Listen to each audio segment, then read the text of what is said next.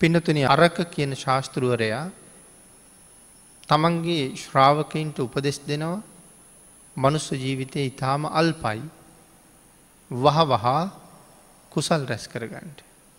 බ්‍රහ්මචරියාවේ හැසිරෙන්ඩ කියලා.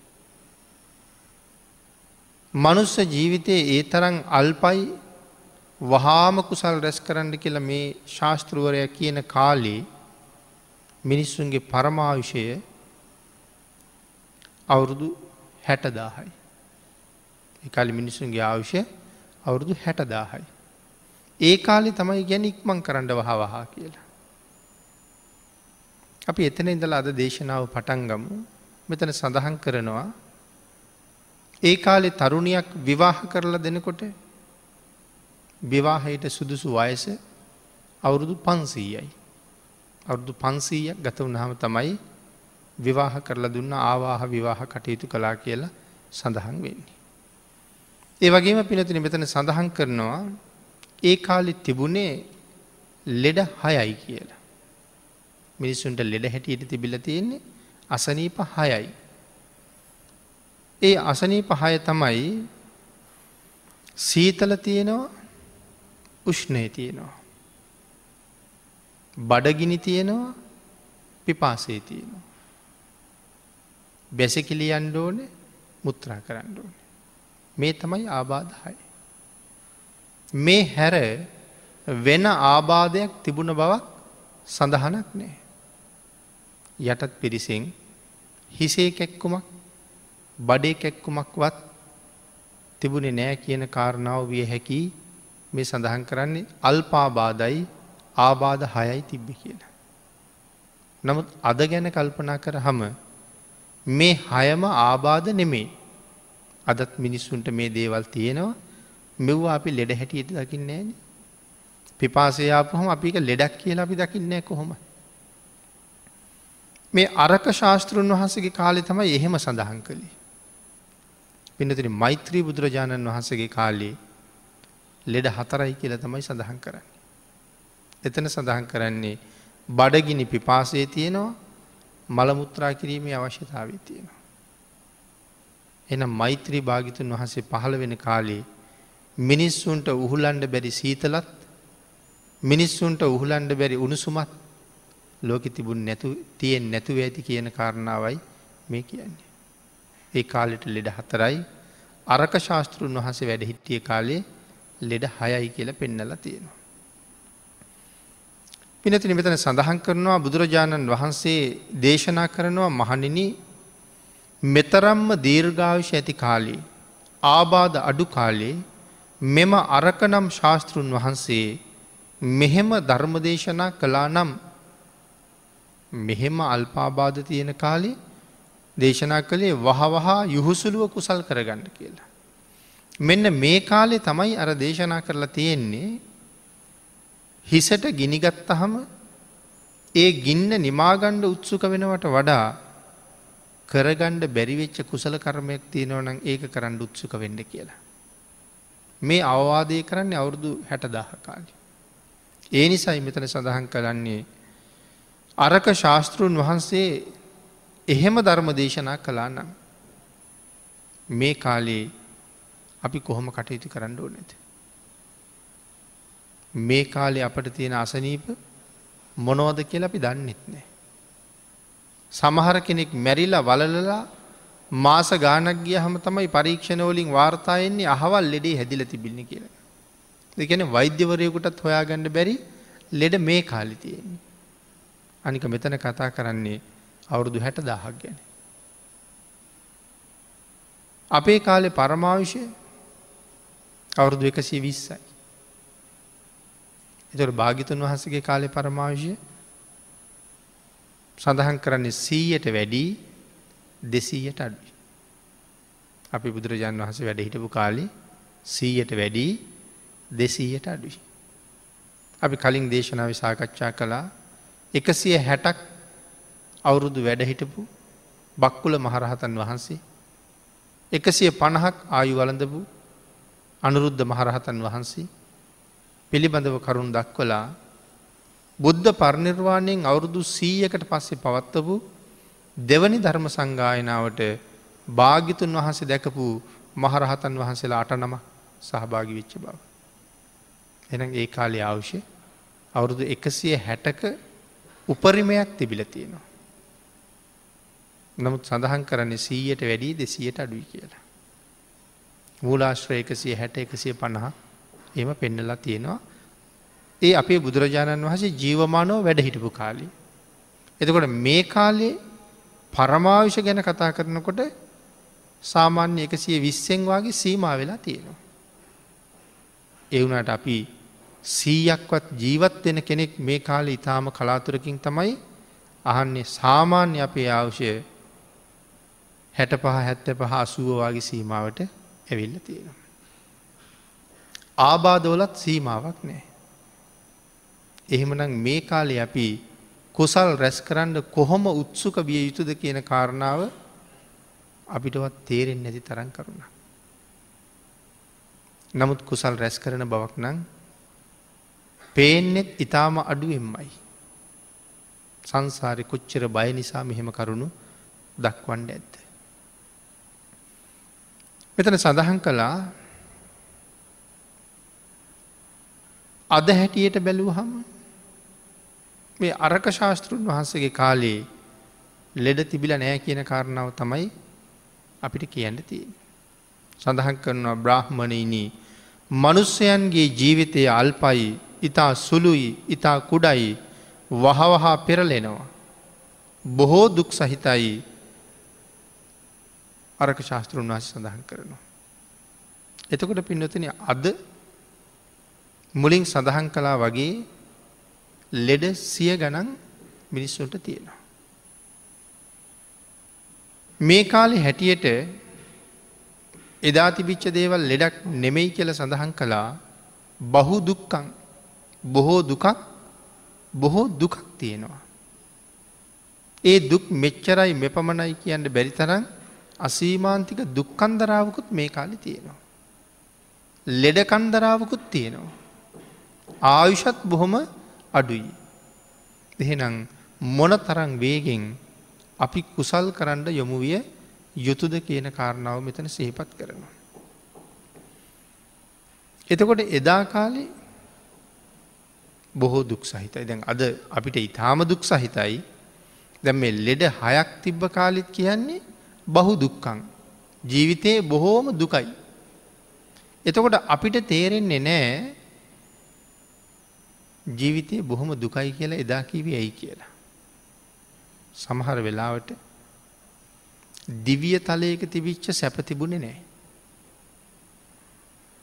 ඒ වගේම ධ්‍යානලාභියකුට තිබිච්ච සැප එදා කාලේ ඒ මිනිසුන්ට තිබ්බෙත් නෑ.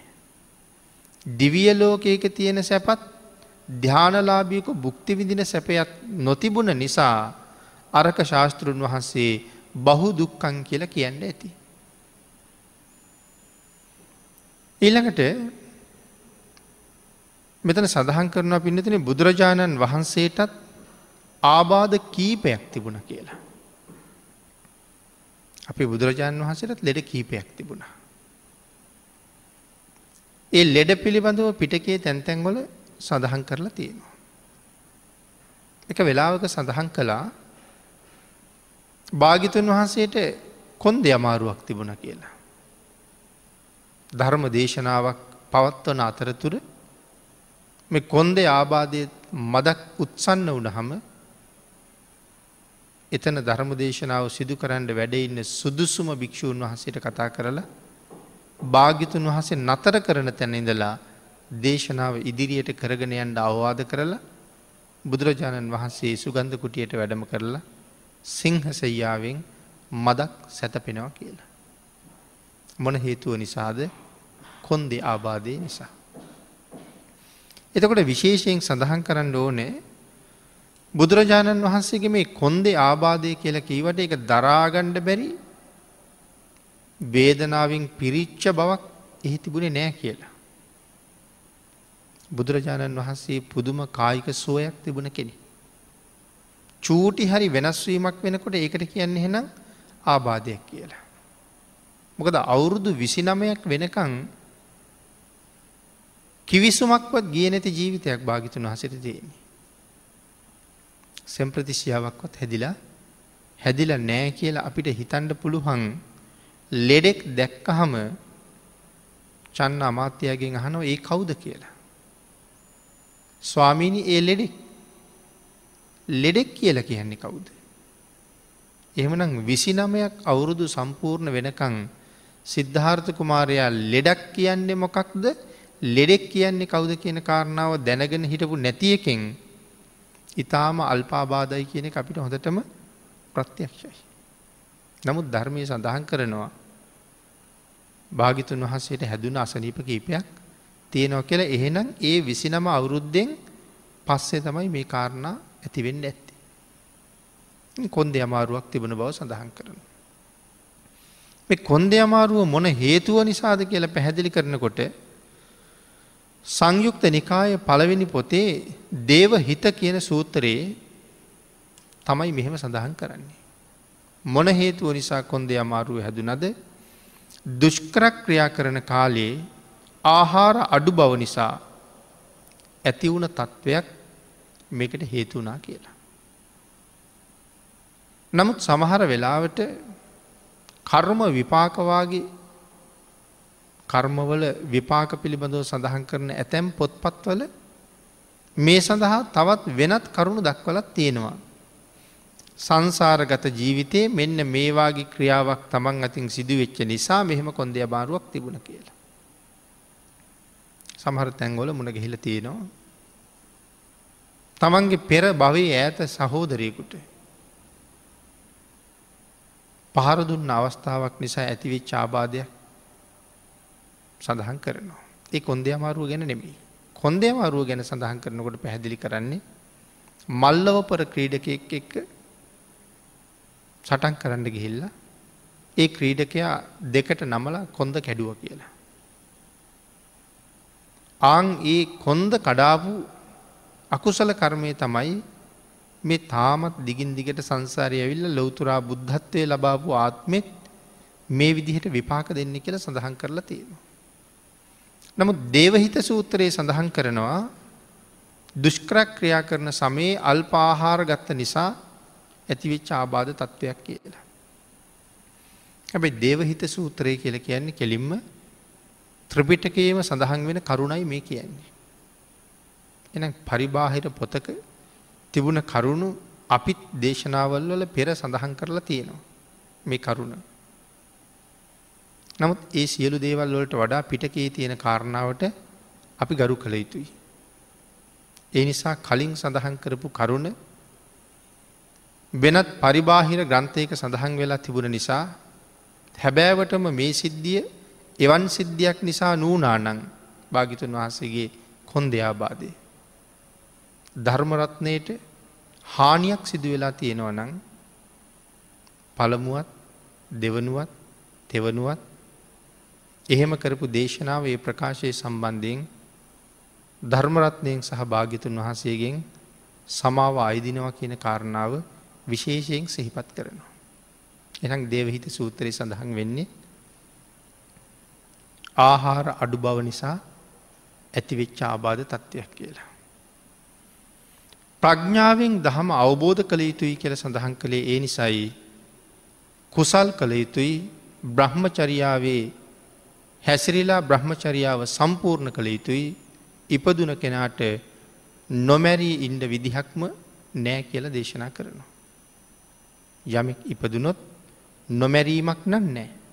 ඒ කාන්තයෙන්ම මරණයට පත්වෙනවා.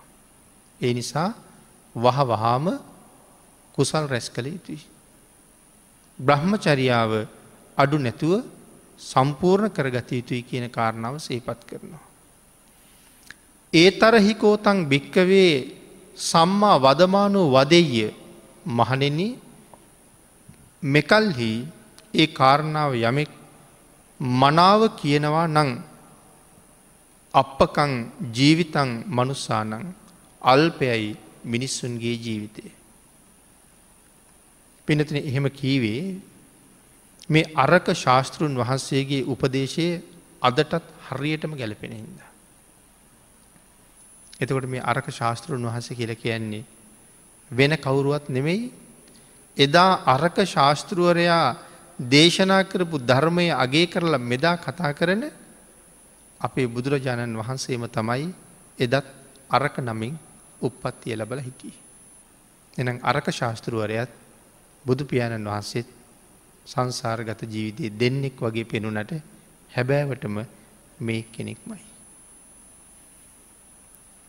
මෙතන සඳහන් කරනවා අපි ආවුෂය ගැන නැවත වැඩිම වුණොත් මේ කාලේ අවුරුදු එකසිය විස්සයි. බුදුරජාණන් වහන්සේ ඒ ආවිෂය අපිට මෙන්න මෙහෙම බෙදල පෙන්න්නනවා.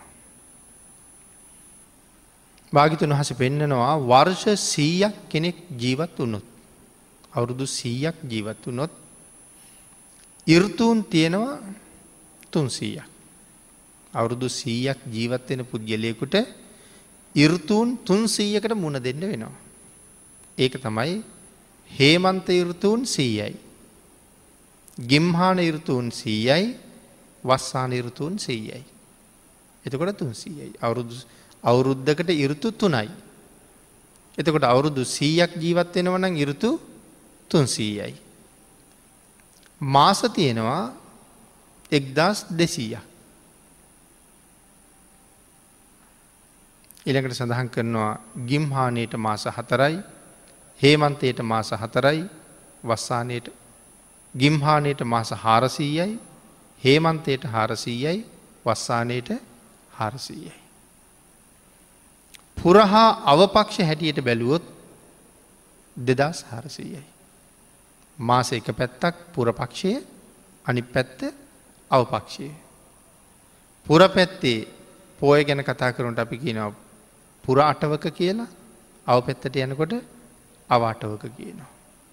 මැද්දෙ පසලොස්සක කියලා අපි කියනවා. එනම් මාසේ දෙකට බෙදුනොත් දෙදස් හරසීයයි. පුරහා අව වශයෙන්. ඊළඟට බුදුරජාණන් වහන්සේ මෙහෙම ගණන් දක්වද්දී සඳහන් කරනවා රාත්‍රීන්නං තිස් අයදාහයි. අවුරුදු සීයක් ජීවත්වෙන කෙනෙකුට රාත්‍රීන් එළඹෙන්නේ තිස් අයදාහයි. ඒකන අවුරුදු සීයක් ඉන්නවා කියල කියන්නේ අපිට ජීවත්වෙන්ට තියෙන දවස් තිස් අයදාහයි. එහෙම කල්පනා කර හමනං තේරෙනවා මෙච්චරද ජීවත්වෙන්නේ කියලා. අවුරුදු සීයක් කියනකොට ලොකුවට හිතෙනවා. දවස් ගන්න කිය හම දවස් ස්තිස් අයදහයි ඉන්න තියෙන්නේ. ඊළඟට සඳහන් කරනවා මේ අවුරුදු හැට පහක් හැත්තෑවක් වගේ කාලේ.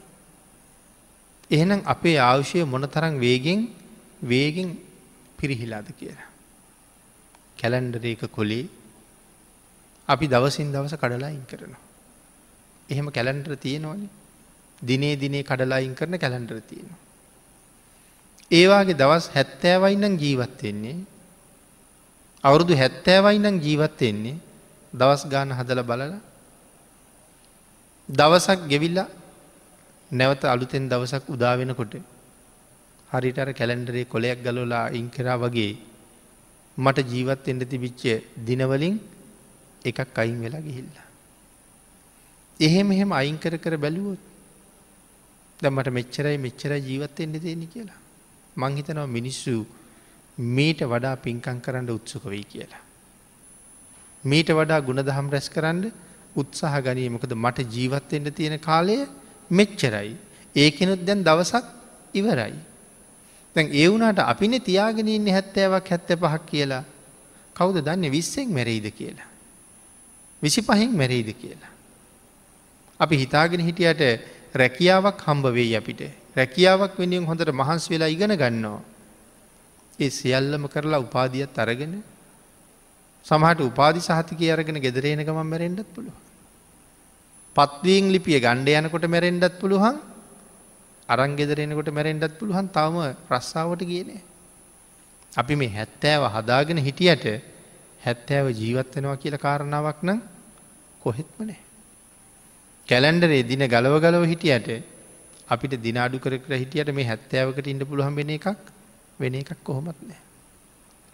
ආගේ හින්ද පින්නතින මෙතන ආහාර වේල් ගණනත් බුදුරජාණන් වහන්සේ ගණන්වලින්ම දේශනා කරනවා. ඊළඟට ආහාරවේල් ගණන එහෙම සඳහන් කලාට අපි හැමදා ආහාර ගත්තෙත් නෑ. අපි කිරිබීපු කාලෙ බත් කෑවෙනෑ. එතකොට තව අපි බත් නොකා ගත කරන කාල ලෙඩ හැදිල බත් කෑවෙ නැති දවස් තියෙනවා. කෑම පෙන්නන්ඩවත් බැරුව හිටපු දවස් තියෙනවා. පුංචි කාලෙත් කිරිබීලා ඉවර වෙලා බත් කන කාලේ මුරණ්ඩුකමට කෑමනුකා හිටි පවස්ථා තියෙනවා. ලොකු වෙලා අම්මතාත්ත එක තරහ වෙලා කෑමනොකා හිටු පවස්ථා තිය නොතව. විවාහ වෙලා බිරිඳ එක්ක තරහ වෙලා ස්වාමිය එක්ක තරහ වෙලා නොකා හිටපු වේල් තියෙනවා.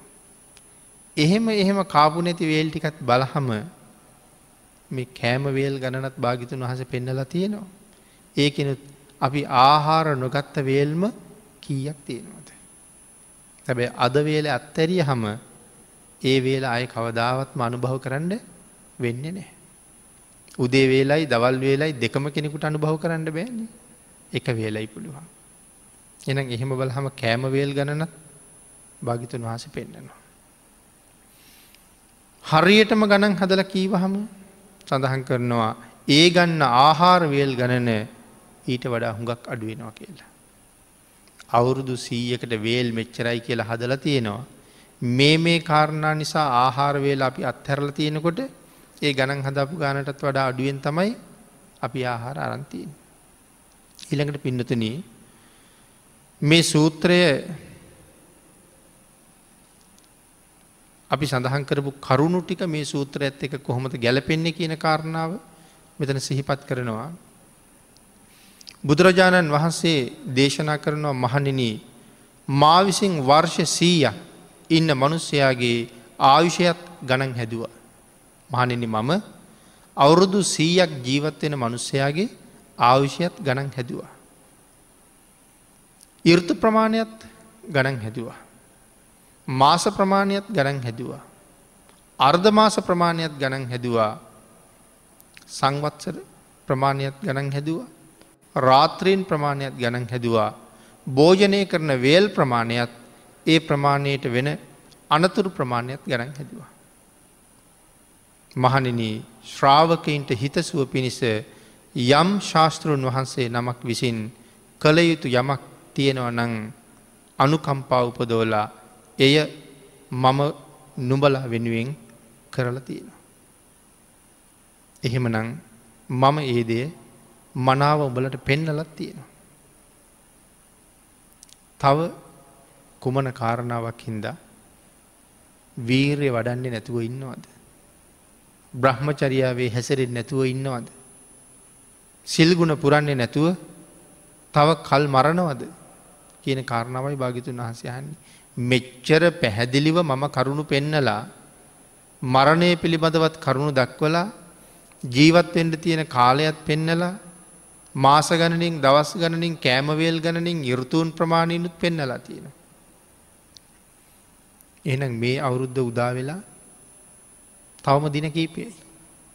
මුල් මාස හතර එක යුෘතුවක් ඊළඟ මාස හතර තව යුෘතුවක් ඊළඟ මාස හතර තව යුෘතුවක්. එනම් අප්‍රේල් මාසට එනකොට අපි කල්පනා කරන්නවන මට යුරුතුූන් තියෙන්නේ තුන්සීයයි සීයක් ඉන්නවනම් ඒකෙන් යුරුතුවක් ඉවරයි. අපිට එහෙම ඉතන්ට බෑ අපේ යුරුතුන් දැන් සෑහෙන ප්‍රමාණයක් ඉවර වෙලා තියන අපේ වයිසි හැටියට.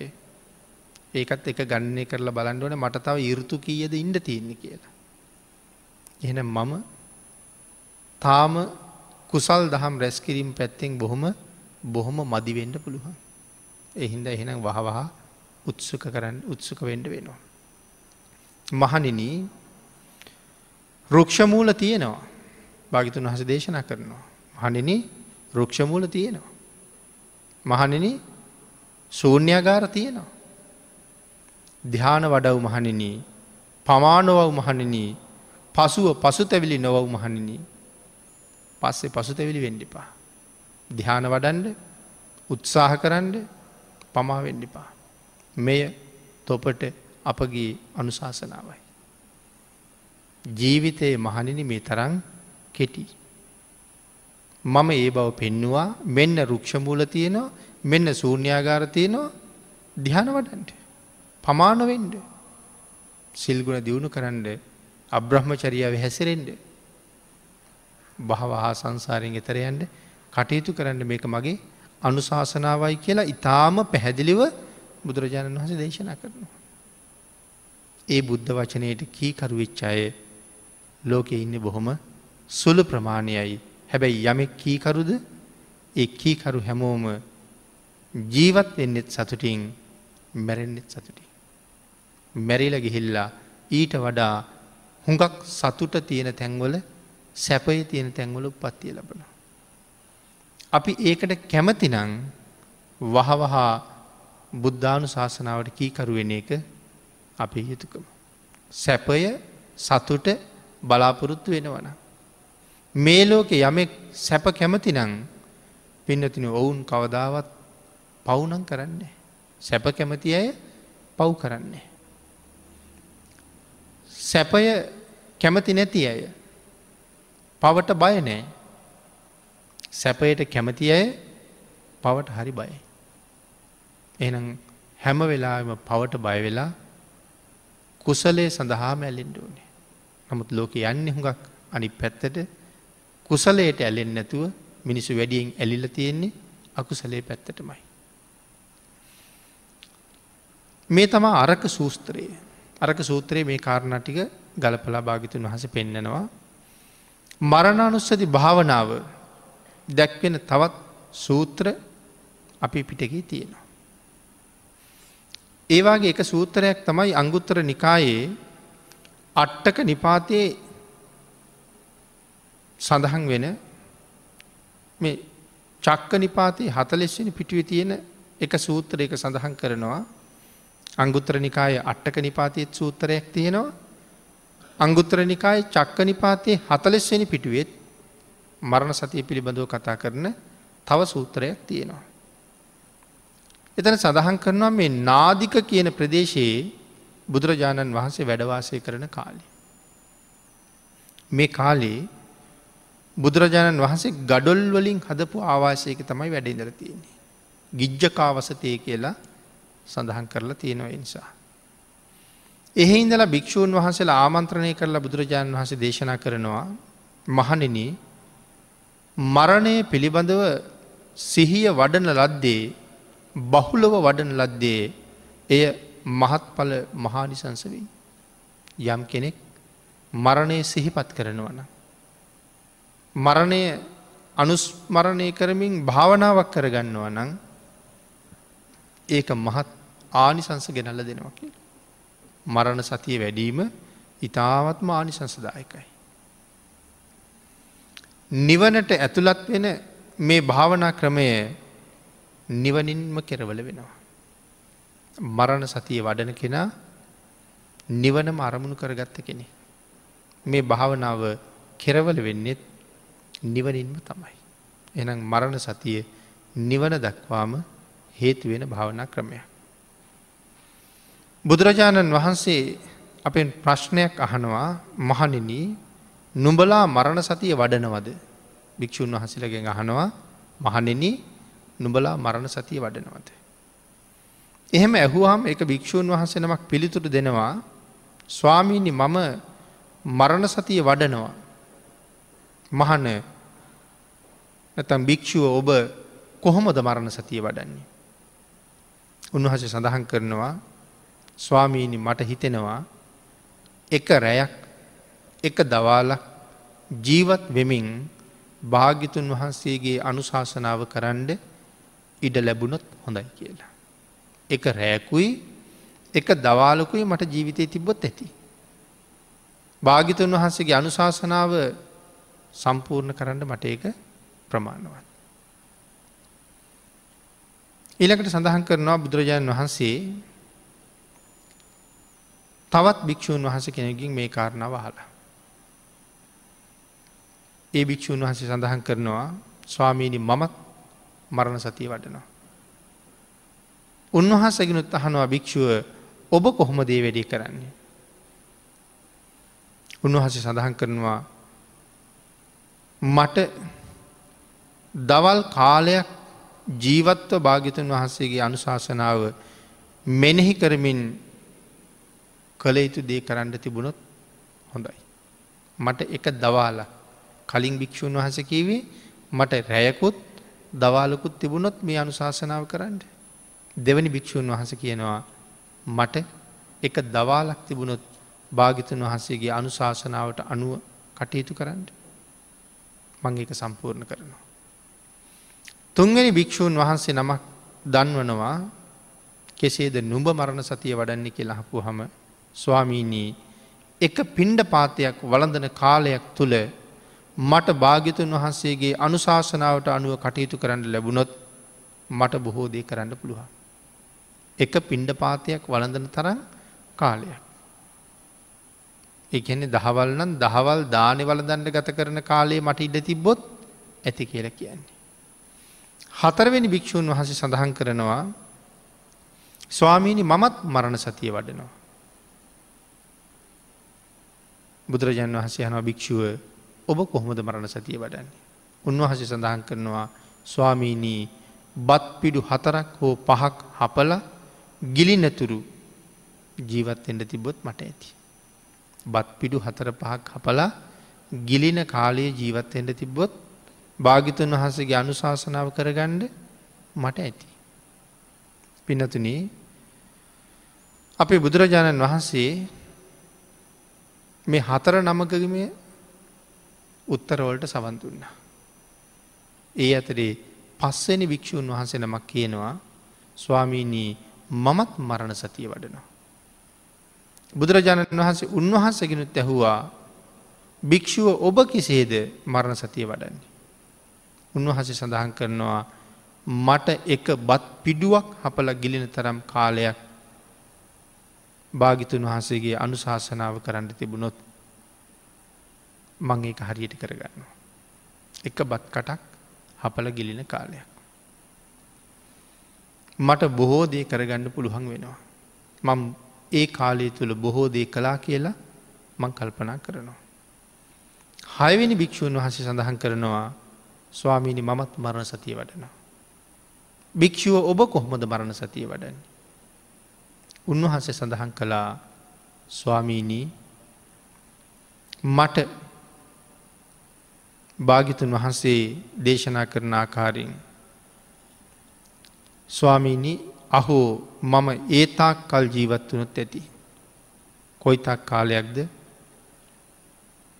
ඉහලට ගන්න හුස්ම පහලට හෙලනතුරු හෝ පහලට හෙළූ හුස්ම ඉහලට ගන්නතුරු මට ජීවත්තෙන්ට ලැබුණොත් මම භාග්‍යතුන් වහන්සේගේ අනුශාසනාව බොහෝසේ කලා වෙනවා.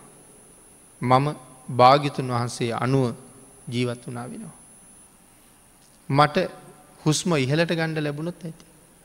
එහෙම නැත්තං ඉහලට ගත්ත හුස්ම පහලට හෙලන්ඩ තිබුණොත් ඇති. එතකොට ආශ්වාස කරන කාලය තුළ හෝ ප්‍රාශ්වාස කරන කාලය තුළ මට ජීවත්වෙන්න ලැබුණත් ඇති. පස්වෙනි භික්‍ෂූන් වහන්සේ හයවෙනි භික්‍ෂූන් වහන්සේ මෙහෙම සඳහන් කළා. අපේ බුදුරජාණන් වහන්සේ ඒ පිළිබඳව අනුශාසනාවක් දක්වනවා යම් භික්‍ෂුවක් හිතුවනං එක රාත්‍රයක් සහ දවාලක් මට භාගිතුන් වහන්සේගේ අනුශාසනාව කරගණ්ඩ ජීවත්වෙන්ට තිබුණ නම් කියලා. එහෙම කීවේ පළවෙනි භික්‍ෂුව. තව කෙනෙක් මට එක දවාලක් විතරක් ජීවත්වෙන්ඩ අවස්ථාව තිබුණොත් කියලා.